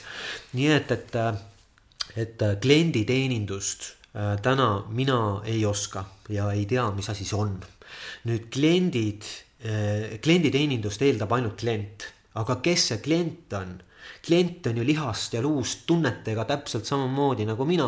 on ju, kellel on tunded, vajadused, kõik on, see on ju soe, see on ju midagi palju komplekssemat kui lihtsalt sõna klient mm. -hmm. et äh, mingisugune summa mul äh, nagu pea otsas on ju, et, et, et äh, klient on kauge, emotsioonitu, näotu, tuleb ja läheb lihtsalt mingi objekt pigem kui subjekt ja nii edasi. aga mina ei oska jälle inimesega suhelda, kui ma ei saa temaga sügavamat kontakti või lähedasemat kontakti. ja ma muutun kohe kohmetuks, sellepärast et siis ma lähengi klienditeenindusse ja siis ma olen segaduses, et millist klienditeenindust nüüd temale teha, on ju ja, ja, ja kolmas on see, et klienditeenindust saab pakkuda ainult klienditeenindaja nüüd, kes see klienditeenindaja veel on? noh, et sa ei ole, ma ei ole ju klienditeenindaja, ma olen Rain, ma olen Rain siin teiega täna. ma olen Rain siis täpselt samamoodi, kui ma restoranis põll on ees, täpselt samamoodi olen ikka Rain, samad väärtused, samad hoiakud, samad soovid ja nii edasi ja nii edasi. nii et, et klient, klienditeenindus ja klienditeenindaja on minu jaoks iganenud ja arusaamata žanr nii et, et lähme sinna, mis on äh, kõige olulisem ja selle õpetas mulle Alar Ojastu kaks tuhat kümme aastat, mida ma olen iseenda jaoks edasi arendanud. ja, ja see, see on minu jaoks äh, sihuke oluline äh, nurk. ja et, et asendada klient sünonüümiga külaline. teistes ettevõtetes näiteks sinul on ju turundusfirma need partner partner on see, kes sina annad talle oma töö, tema annab sulle raha, on ju, et see on ju energiavahetus oskuste vahetus. ja, ja et külaline, külaline tekitab minus kohe automaatselt sooja tunde, sooja seisundi. nüüd, kui äh, keegi ütleb, et külalised tulid, siis minu esimene impulss on soe. sest tavaliselt ma käin külas, kes mulle mm -hmm. meeldivad, ma kutsun inimesi külla, kes, äh, kes äh, mulle meeldivad, noh, välja arvatud sugulased, kes mõned tulevad ise, on ju, et, et see oli nali praegu muidugi, et et aga, aga külalised on see kui ma selle sõna enda jaoks ära vahetasin, siis ma toon näite, mis juhtus. Oletame, et üks klient on endast väljas, siis äh, ta tekitab minus kohe ärritust, on ju, et ma hakkan nagu kuidagi Vastu. kaitsma mhm. ennast, on ju, et, et miks ta peab olema nii nõme. aga kui ta on külaline minu jaoks sisimas, siis mul tekib hoopis uudishimu, et mis sul, no mis sul juhtus või mis sind häirib see on kuidagi juba minu enda niisugune valitud tee on teine. ja teine on see, et, et külaline ei eelda kunagi klienditeenindust. Külaline eeldab külalislahkust ja külalislahkus on midagi, milles ma orienteerun väga hästi, sellepärast et külalislahkus on meil ema rinnapiimaga kaasa antud.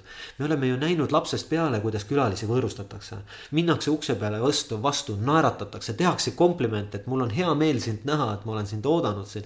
et sa jääd iga päevaga vist nooremaks, tule astu edasi ja nii edasi, teised kõik sõbralikud perekonnaliikmed tutvustavad ennast ja nii edasi ja nii edasi. et kõik on niisugune soe ja siis ollakse tundlik sinuga, on ju, et kas sa sooviksid istuda, on sul siin mugav ja kas ma võin sulle pakkuda midagi? Ja kõik, külalislahkus on ainult printsiipidel, seal ei ole mingit tehnikat, printsiibid on, olen avatud, olen soe, olen siiras, olen püüdlik, heatahtlik, armastusväärne äh,. ja kõik need. Ja nüüd ei ole vahet, mis kultuurist sa tuled, ei ole vahet, mis, kui vana sa oled ja mis emotsioon sul parasjagu on. sellepärast, et külalislahkus on ka sõnadeta, olete ju näinud neid Eesti reisisaateid, kus mindi Mongooliasse, kus kumbki osapool eh, ühist keelt ei leia, ainult vehitakse kätega, aga mõlemad tunnevad tohutut armastust üksteise vastu ja seda külalislahkust, mis on nagu täiesti üle võlli. nii et, et eh, külalislahkus on midagi, milles mina ka oskan orienteeruda kui külaline. Ma ju tunnen kohe ära, kas sa oled minuga soe või ei ole me ei pea isegi sõnu vahetama selleks. ka minu kehakeel reedab ära juba selle. ja lõppude lõpuks külalislahkust saab pakkuda ainult üks päris inimene, mitte mingisugune identiteet nimega klienditeenindaja. vaid seda saab pakkuda Rain Tungar, on ju, et seda saab pakkuda eh, Martin Pukspuu või et, et või sina ise on ju, et, et, et ja see on nagu see, millega mina tegelen. ja nüüd enam ei ole ost-müük üldse oluline oluline on see, et, et kas mina saan sulle osutada, teha midagi, mis, mis, mis on sinu jaoks nagu praegu vajalik. ja et kas ma saan seda teha nii hästi, et see annaks sulle midagi juurde, et see ei mõjuta näiteks restoranis, et see ei mõjuta ainult sinu kõhutäidet, et sa saad kõhutäis, vaid et ta mõjutab ka sind emotsionaalselt, et, et jah, ma ei tea, mis just praegu minuga juhtus, aga mulle see väga meeldis, et kuidagi hea tunne on ja see ongi see kõige tähtsam ja minu arust inimesed on nõus äh, äh, alati äh, maksma selle eest, kui nad tunnevad, et nad on selle eest midagi saanud. ja mina keskendungi sellele, et no kõigepealt inimene saaks midagi ja siis äh, nii-öelda äh, järgneb sellele nii-öelda see reward ehk siis tasu mm. -hmm. ma ei tea, kas see oli loogiline. ja, ja kõlab, kõlab väga loogiliselt ja arusaadavalt nii et, et see on üleüldiselt minu jaoks üldse kogu teeninduskontekst, ükskõik mis äh, alal sa töötad. kui, äh, kui võtad südameasjaks külalislahkuse, mis on seotud ka kolleegidega, omavaheline suhtlemine, kuidas ma nii-öelda teenindan ju kõiki teenindan oma, alati noh, hommikul ärkad üles, teenindad oma keha, pesed hambaid, annad süüa teenindad oma kaasat, on ju, teed talle musi, ütled, et ma armastan sind, on ju. Lähed tööle, teenindad oma kolleege, tervitad neid, näitad austust ja lugu, lugupidamist välja, aitad teha kõiki neid protseduure, mis on vaja selleks, et, et hommikut alustada nii-öelda töö juures ja. ja siis teenindad oma nii-öelda külalisi või partnereid ja, ja, ja kogu aeg käibki üks teenindamine, sest me oleme otseses sõltuvuses üksteisest, see, selles on fakt et mitte midagi kellegi teiseta meil endal ei ole ja, ja me oleme lihtsalt üks osa sellest ja me peaksime andma iseendast nii palju kui võimalik. ja nii on hea lihtne elada ka minu arust, et kui sa oled kelle, kellegi teise teenistuses. mitte selles mõttes, et ma nüüd peaksin ennast täielikult ohverdama, aga lihtsalt, et orient- nagu see, et ma orienteerun sellele, et kõik, kes, kellega ma kokku puutun, et, et mida ma saan nendele juurde anda. mina olen enda jaoks võtnud ühe kree- või noh, siukse moto või selle, see mõte, mis on minu jaoks. et see kõik on ühine ruum, milles me elame. nüüd see väike ruum, kus me siin kolmekesi istume, on ka praegu ühine ruum. nüüd on küsimus, et äh, mida ma siia ruumi toon. kas ma toon enda lahendamata probleemid, enda mingid egomustrid, kas ma toon siia mingisugused äh, noh, midagi, mis võtab ära seda ruumi, kus sa tunned, et see võtab ära ruumi või ma olen siin ruumis tundlik, ma püüan olla kõigepealt esiteks tasakaalus selle ruumiga. ja teiseks, ja kui ma nüüd selle tasakaalus olen, siis hakkaks nagu midagi rikastama, vaatama, kas ma saan midagi ehtida, kas ma saan näiteks Martinile midagi hästi öelda, kas ma saan äh, Krisile midagi hästi öelda, kas ma saan siit midagi korda teha. kas ma saan midagi, kedagi kuidagi toetada ja, ja nii edasi ja nii edasi. ja see on seesama ettevõtja mentaliteet jällegi et kas ma saan nagu midagi teha, mis võiks selle keskkonna või, või selle emotsionaalse taseme või midagi nagu võiks rikastada.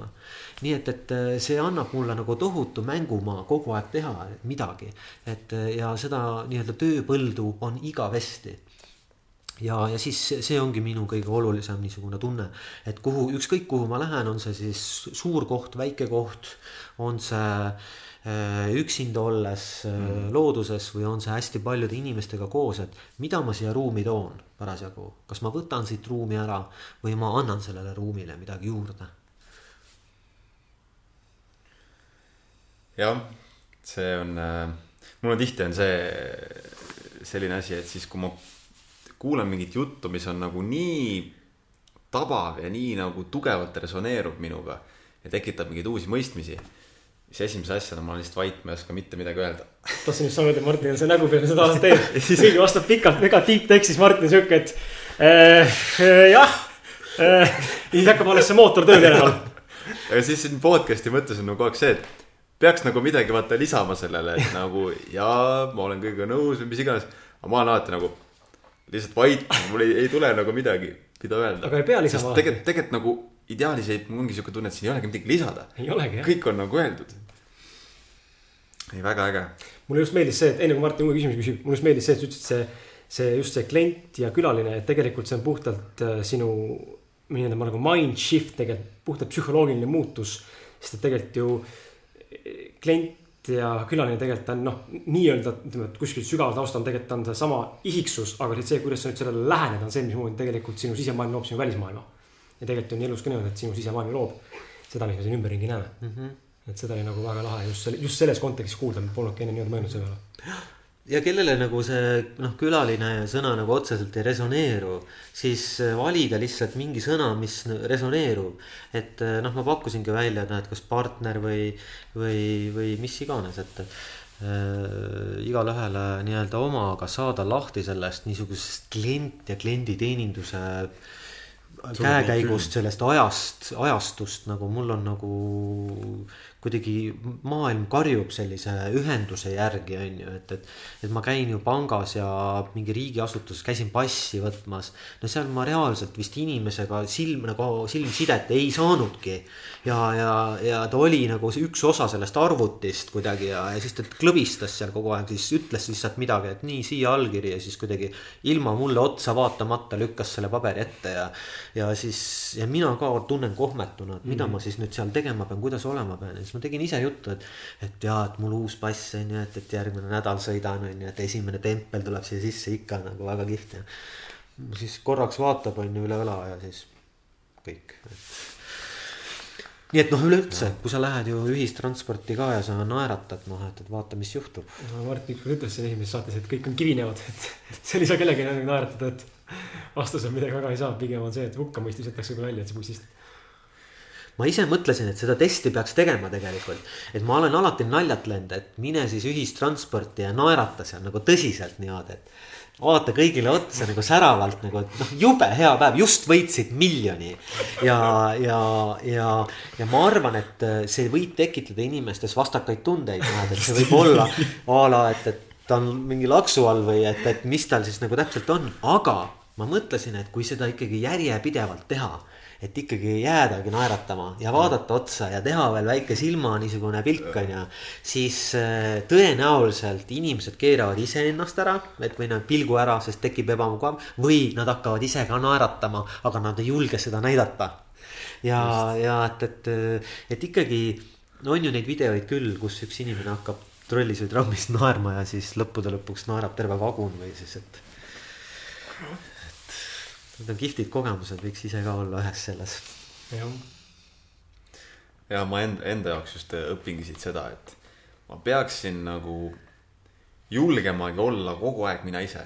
kogu aeg julg-, julgema nagu võtta vastu seda, et ma lähen äkki konflikti kellegagi või ma ei meeldi kellelegi või, sest see on see, mida ma kogu aeg vist väldin. aga kui ma nüüd julgeksin seda teha, siis, siis ma ju võiksingi igal pool, ma võiksingi minna sinna bussi ja lihtsalt naeratada inimestele või minna sinna trolli ja naeratada inimestele, eks ju, et praegu ongi, et ma nagu hästi lihtsalt teen end ka nagu nähtamatuks. sest ma ei taha nagu kuidagi silma paista ma kardan nagu näidata seda, kes ma olen. just see, millest me enne rääkisime, eks ju. huvitav on see, et tegelikult me ju väga tihti tegelikult kardame seda, mida me oletame. noh, praegust tõin nalja näite, et sa kardad minna konflikti, aga tegelikult sa ei saa öelda, et konflikt, mis tekib, sest sa ei tea mm. -hmm. ja tegelikult me oletame oletuslikult ja siis me lihtsalt ei tee seda ja, ja seda, aga seda tunnet saab peegeldada näiteks, kui sa oled ühistranspordis kellegagi koos ja sa ütled, et, et tead, ma tahaks naeratada, aga mul on tohutu hirm. et see on juba algus. et jah, et see on nagu jah, et kasvõi öeldagi lihtsalt tuimalt, et sest, sest see on selline aususe praktika hetkes on ju, et, et juba nagu tuvastada või märgata siis seda on ju, aga mitte nagu teadlikult kanda siis maski, et ma nüüd ühi-, nüüd olen nagu kameelion on ju, et olen kõik ühte mustrit ja kõike jumala eest välja ei torkaks on ju. et siit ei paistaks välja, et ma siin naeran, mul kui, elav kujutusvõime, mul see film jookseb juba, kuidas Rain bussis naeratab inimestele. järgmine peatus on mupo või politseibuss ootab. ma kujutan ette, mis sealt võib tulla täiesti, täiesti absurdseid reaktsioone inimestelt. eriti kui sa lähed, ütled talle, et ma tahaks väga naeratada, aga ma ei julge praegu. see on nagu, see on siuke nagu, et see on nagu täiesti ootamatu no minu kogemus äh, on üksikutel hetkedel alati üks ja sama, et kui sa avad ennast ja räägid tõest, siis inimesed on väga head ja nad tahavad äh, olla ühenduses mm. -hmm. et see hirm, et umbes ta ei mõista mind või mõistab mind hukka või siis on kuidagi pahur või, et see on, äh, ei ole tõsi on ju neid äh, motivatsioonivideosid nii, nii palju, kus inimesed lähevad kaks kätt taskus, pole raha, mitte midagi ja käivad terve maailma läbi äh, teiste inimeste abiga lihtsalt lootes selle peale. ja siis nende sõnum on üks, et äh, inim-, inimesed on head ja ma arvan, et võib-olla selles usalduses tulebki nagu esialgu liikuda, sest ma tean ka väga palju sõpru ja ise ka mäletan ennast nooremast peast, võib-olla kus ma ei uskunud, et inimesed head on ja see on see koht, mida tasuks vaadata siis. suhted. et äh, meil on siin kirjas, et suhted ja ausus käivad käsikäes. mida on suhted sulle kõige rohkem õpetanud, mida oled õppinud suhetest? olgu need siis armastus, sõprus, ärisuhted või hoopis suhted oma lastega no see on nii suur küsimus jälle, et äh, üks suur küsimus teise järel. ja seal oli mitu küsimust äh, on ju ühes sees jälle. ütleme nii, et, et mina pean suhteid kõige tähtsamaks enda elus ja põhjus on ju lihtne, kasvõi TEDx-il näidatud äh, uurimus, äh, maailma kõige pikem või kauem kestnud uurimus, kus näidati siis, et inimsuhted on meie äh, elus peale viiekümnendat eluaastat on kõige-kõige tähtsamad ja seal toodi välja, et, et äh, suhted, mis ei ole korras, on toksilised nii biokeemiliselt kui ka üleüldse vaimselt ja nii edasi ja nii edasi. ja, ja üksindus tapab reaalselt. nii et, et, et hoida oma suhted korras on minu arust niisugune abc, aga huvitav, et meile seda koolis ei õpetata, et kuidas siis oma suhteid hoida, on ju, relationships ja ja, ja minu suhteõpiku, ütleme siukse kõige lõviosa äh, olen saanud ma kirjutada iseenda jaoks äh, oma praeguse elukaaslase Paulaga, keda ma tohutult armastan kogu oma südamest. ja, ja meie kokkupõrked on olnud noh niisuguse Armageddoni filmilaadsed äh, niisugused stseenid.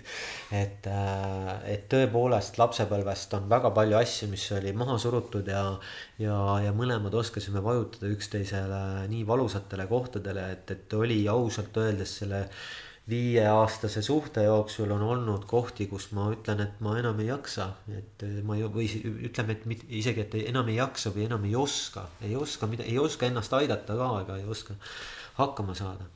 aga nendel hetkedel on olnud õnneks olnud äh, palju sõpru, kes on nagu toetanud ja, ja ise leidnud abi meditatsioonist ja.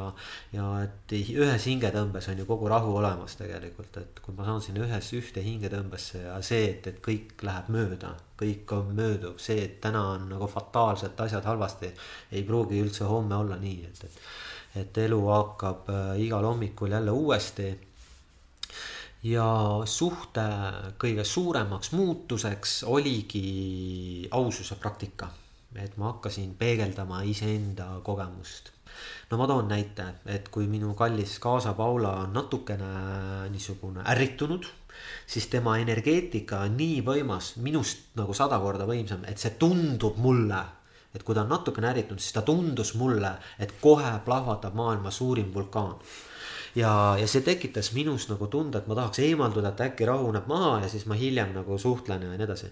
aga see tekkel-, tegelikult tegi veel suurema nagu karuteene mulle endale, sest kui ma ei adresseerinud seda või ei loonud seda ühendust, siis see ajas teda veel rohkem endast välja ja, ja sellest ei tulnud mingit head nahka. nii et, et äh, nüüd seda circling'i praktiseerides, siis, äh, siis äh, ma tunneks ja kui ma näeksin sellist olukorda, siis ma astuksin hoopiski talle lähemale ja ütleksin, et, et ma märkan, et sinus on mingisugune niisugune ärrituvus või et, et see tekitab minus tunde, et ma tunnen hirmu ja ma tahaks eemalduda et ma räägin lihtsalt sellest, mida ma kogen. siis see tavaliselt no ongi vastus, et umbes peaksidki tundma hirmu, on ju. ja siis ma saan edasi peegeldada, on ju, et näe, seda ma kartsingi, on ju, et, et. et või siis teisalt, et jaa, et ma tunnen ennast halvasti, aga ma ei taha üldse sinuga seda sidet lõhkuda. ja meie suhte võib-olla kõige olulisemaks nurgakiviks täna ongi see, et, et et rääkida ausalt ära, mis, mis siis on, et, et oleme otsustanud üheskoos tegeleda oma varjuga Äh, mis tähendab, et äh, meis on, kaasa arvatud minus äh, ja kõikides teistes, nagu ma aru saan, alateadvuslik osa, mida me endas eitame ja mida me ei näe, seda nimetatakse selleks nagu varjuks sellepärast, et me ei näe seda ja et see on olemas, seda tuleb vastu võtta, sellega tuleb tööd teha. ja, ja teine on see, et, et, et kui need varjud omavahel põrkuvad või et mingi konflikt on, siis paaris elus on kõige tähtsam tulla kohe armastusse tagasi nii kiiresti kui võimalik. mis mul varem oli, oli see, et, et ma olen väga tundlik, siis ma saan haavata siis ma praen enda mahlas päevi, kui mitte nädalaid. ja, ja siis ma ei andesta sulle, sest sa ei palunud andeks. ja, ja siis see kõik on minu jaoks üleval, aktuaalne, ma olen ise väsinud sellest roppu moodi ja kogu aeg näitan seda rahulolematust üles ja annan initsiatiivi talle, et tule ja lahenda ära nüüd see. on ju, aga see on aru, noh, see ei ole õigem, et me saame kõik sellest aru nii et, et nüüd äh, me oleme nii-öelda üksteisele ka teinud kokkuleppe, et on kõige olulisem kohe tulla armastuse tagasi. et äh, anda endale natuke aega, on selleks vaja viis minutit, on selleks vaja paar tundi, mida iganes. aga eesmärk on endasse ära lahendada niimoodi, et, äh, et tule ja peegelda seda praegusest hetkest või siis tule armastusse tagasi et äh, on ju vanapaarid, kes ütlevad kogu aeg, et, et meie edu saladus on see, et me lähme igal õhtul kallistades ja musiga magama, on ju. mis tähendabki seda, et nad tulevad igaks õhtuks, tulevad armastusse tagasi. et nad ei lähe kunagi selle pahatundega magama. nii et, et see on praegu minu suurim õppetund ja mis puudutab lastega suhteid, no ma ütlen lihtsalt, et äh, kuna, kui sa ise sinna jõuad, siis eks sa ise näed. Äh, lapsed on meie suurimad õpetajad, et äh, see vajaks eraldi kümmet episoodi, kui mitte sadat.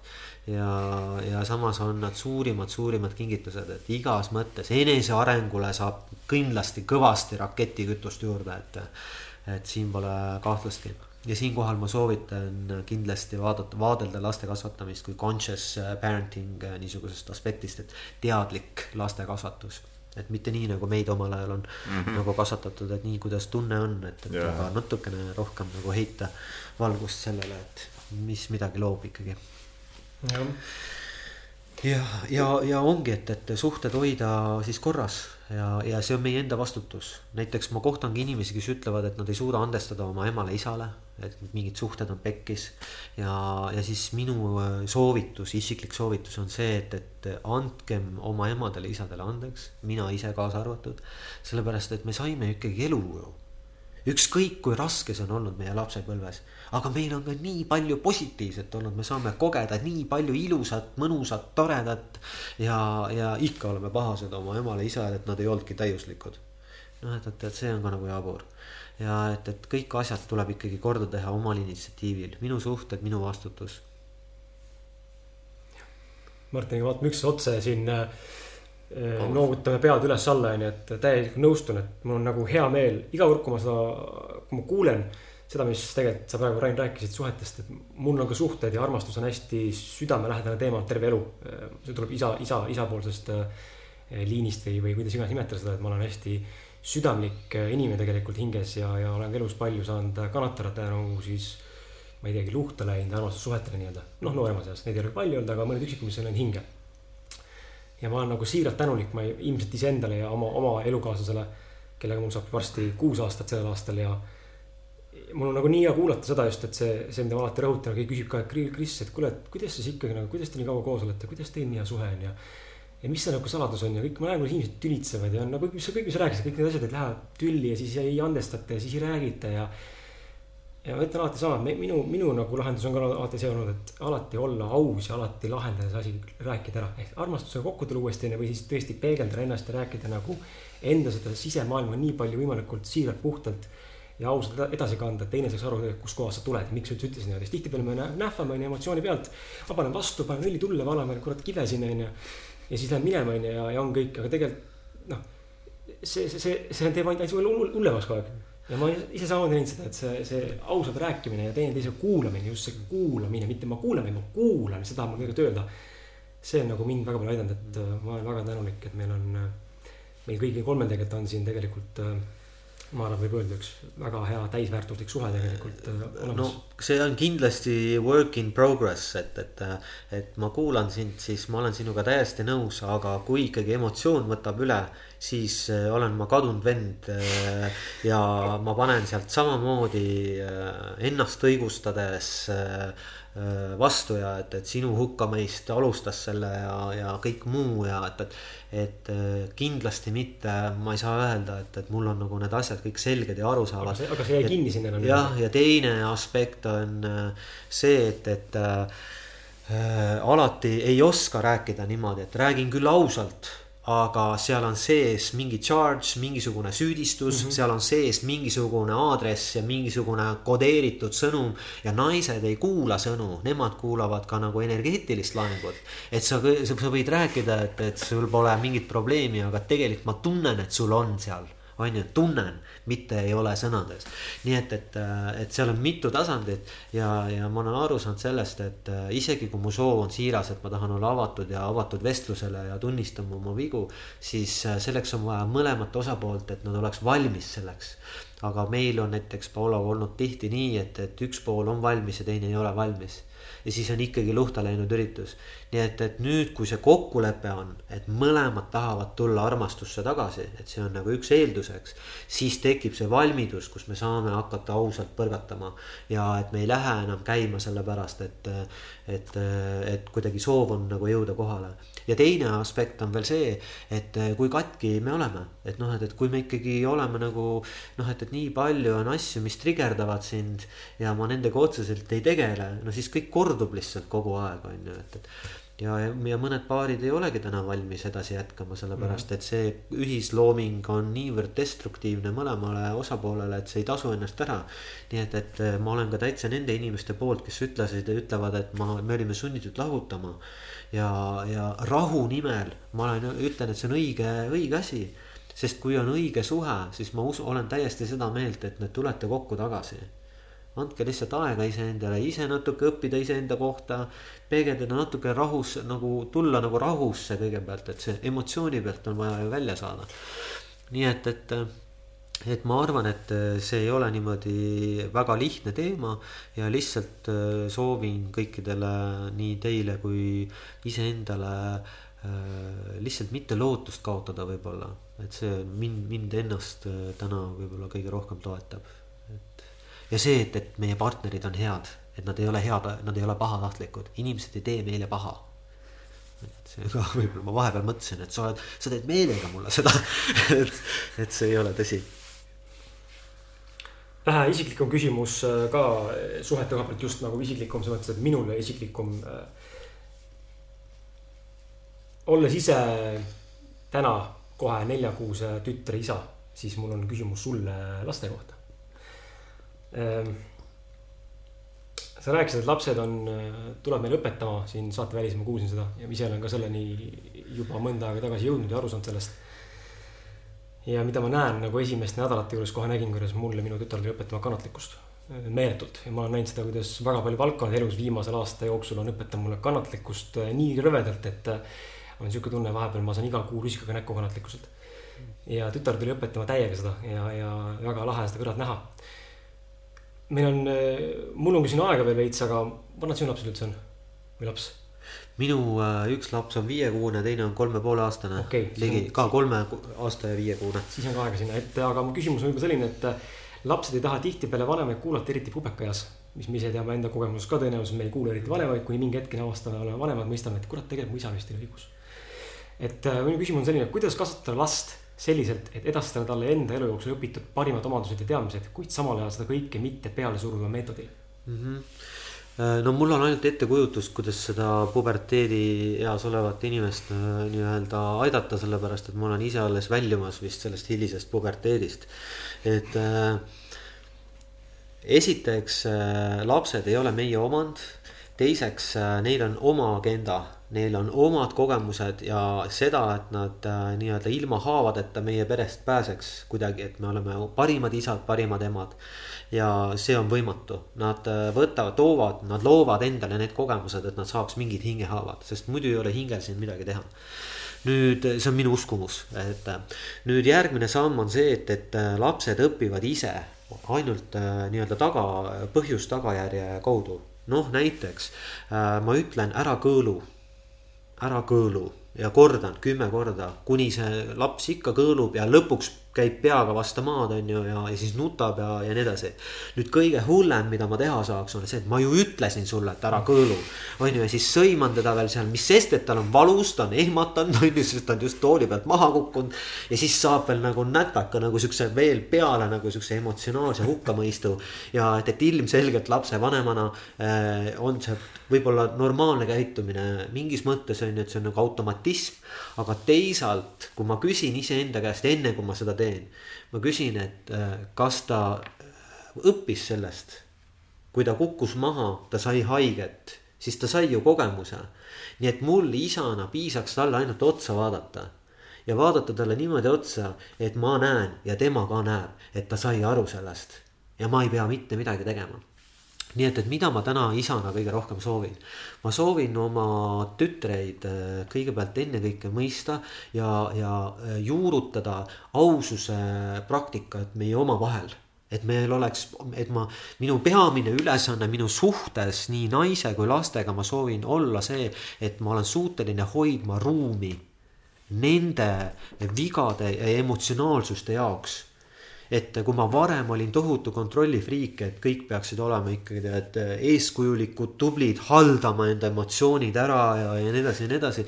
siis täna ma olen nagu risti vastupidisel teel liikumas, et iga emotsioon on tähtis, ela see välja, lase see välja, võta nagu kõik sellest, embody the emotion nii-öelda ja, ja ma, et ma oleks suuteline seda välja kandma ise, siis ma pean oskama seda ruumi looma ja seda ja seda tegema.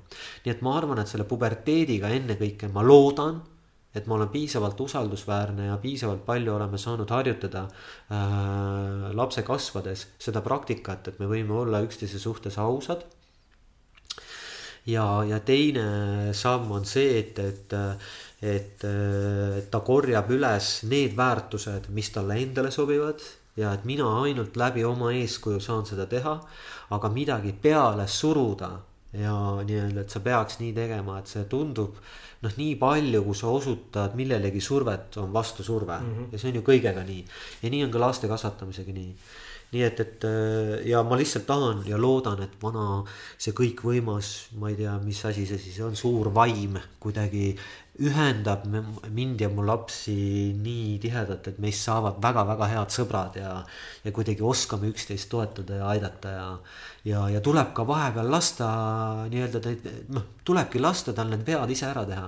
no ma toon kõige raskema koha enda jaoks täna. viiekuune ja kolme poole aastane kolme poole aastane ei tunneta, kui habras on viiekuune ja see, kuidas mina puudutan viiekuust, on hästi õrn ja sihukene tundlik ja nii edasi.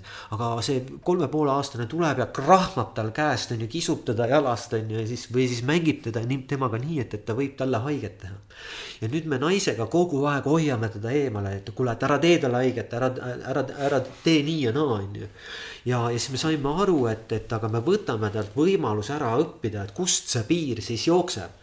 sest kuidas ma siis õpin, on see, et, et kui see kolm, see viiekuune Iida hakkab nutma. kui ta pigistab ja ta hakkab nutma, siis see on see koht, kus ma sain aru, kus see piir on ja seda ongi tegelikult vaja, seda on kurb endale tunnistada, on ju, et issand, nüüd ma pean laskma selle tõesti nii kaugele, et see minu väike tütar hakkaks nutma, on ju, et ma ei taha ju talle haiget äh, teha. aga see on ainuke viis, kuidas ta saab õppida, kust see piir jookseb. Nii et, et see ongi see, et, et kogemusõpe, kogemusõpe, lapsed õpivad ainult läbi oma kogemuste, ma ei tea ühtegi teist inimest, kes oleks õppinud kellegi teise vigadest. kas sina oled õppinud? võib-olla mitte otseselt, isegi kui sa kuskilt saab mingi väikse hindi, siis tihtipeale kui see hind nagu peaks sinu eluga resoneeruma ja sinu ellu sobituma, siis sa koged seda ise mm. -hmm. huvitav on see nagu see lapse kogem-, lapse ise, ise kogemise juures on huvitav see, et lasta nagu seda asja teha on see, et ma näen praegu, kuidas mul tütar äh, on kõhuli hakanud pöörama ammu juba ja tahab hakata roomama, aga noh, käputama ma ka ei oska. ja tal tekib see frustratsioon ja sihuke närvilisus, et nagu ta hakkab nutma, samas see pole nagu nutt, see on sihuke, et ta ometi joriseb vist ei ole hästi rahul, et edasi ei saa, ta on solvunud, võib-olla samas äkki nutab, onju ja ma lugenud nagu laste psühholoogia raamatuid ja ka sotsiaalse kasvatamise kohta ja samuti teadliku kasvatamise kohta ja ma näen, kuidas kõik nagu rõhutavad, et tuleb lasta tal saada see kogemus ja õppida nagu iseenda toime tulla, mitte kohe joosta kohale, et üks piiks oli ja kohe jookse kohale, vaid nagu lasta nii-öelda nagu marineerida enda vahlas, kuni see hetk kätte, kus on vaja, et sa läheksid appi talle. ja mul on nagu valus vaadata praegu isegi praegu nagu vahepeal nagu südant lõhestav vaadata, kui tütar nutab. aga ma näen, et see on talle vajalik praegu, et pead laskma täitsa nõus, täitsa nõus, et, et kes, noh, mind, ma ei tea, kes see autor oli või kust ma seda lugesin, et. et me ei saa hoida ära oma lapsi negatiivsetest emotsioonidest, negatiivsetest kogemustest. küll me saame neid õpetada, kuidas nende tunnetega toime tulla kuidas nende asjadega toime tulla. nii et, et ma teeksin karuteene, kui ma kogu aeg hoiaksin teda sulepatjadel. sest siis, kui tal tuleb vastuseis või tuleb mingi tõesti emotsionaalselt tuleb raske hetk siis ta ei oska sellega hakkama saada enam suuremas eas. sellepärast, et ta on kasvanud nagu lillekene kuskil on ju, et, et väikene surve on alati kasulik et nagu öeldakse, et diamonds are made under pressure mm. -hmm. ja, ja ma olen sellega täiesti nõus ja see on väga-väga raske, usu mind. ja nüüd, kui sa veel üks hetk viid oma lapse lasteaeda noh, see on, keegi mulle ei öelnud, et see on minu jaoks nii emotsionaalselt raske, et laps oli juba valmis kolmeselt minema, aga mina ei olnud valmis, sest kuidas ma annan nutva lapse üle ja siis ma sain aru, et, et ma olen ise nagu nii nõrk veel, et noh, et ma ei taha, süda läheb nii ärdaks, et ma ei suutnud teda panna sinna lasteaeda. aga kõik lapsevanemad, kes on juba selle läbi teinud, ütlevad, et kallis Rain, et võta rahulikult, et ta viis minutit sul natukene nutab ja siis ta saab aru, et, et ei ole praegu midagi teha ja ta kohaneb ja. ja kõik läheb hästi, mängib ja, ja iga kord, kui ma talle vastu lähen, siis ta on rõõmus jälle ja ja nii edasi ja nii edasi, aga ma ise lähen lihtsalt ärbeks, et loomulikult me ei taha oma lastele valu ja raskust, aga, aga siin on väga suur vahe hoolimise ja hoolitsemise vahel hoolitsemise vahe on see, et ma võtan, teen tema eest asju ära ja tal on võimatu kasvada. ja hoolimine on see, et ma olen sinu jaoks alati olemas, aga sa pead oma võitlused ise ka läbi tegema mm. -hmm. ja see oli minu jaoks raske, see on siiamaani midagi, mida ma õpin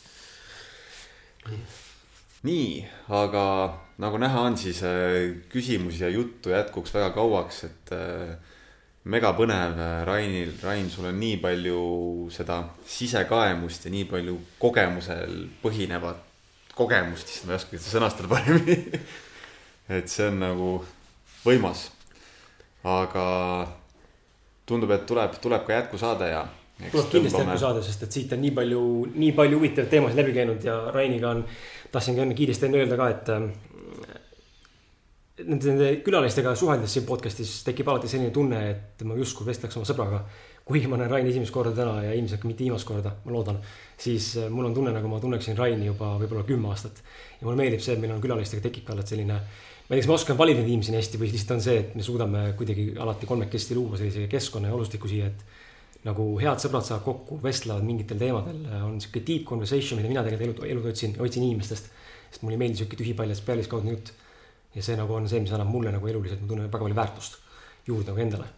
et äh, väga lahe, väga lahe. aitäh sulle, Rain, et sa tulid.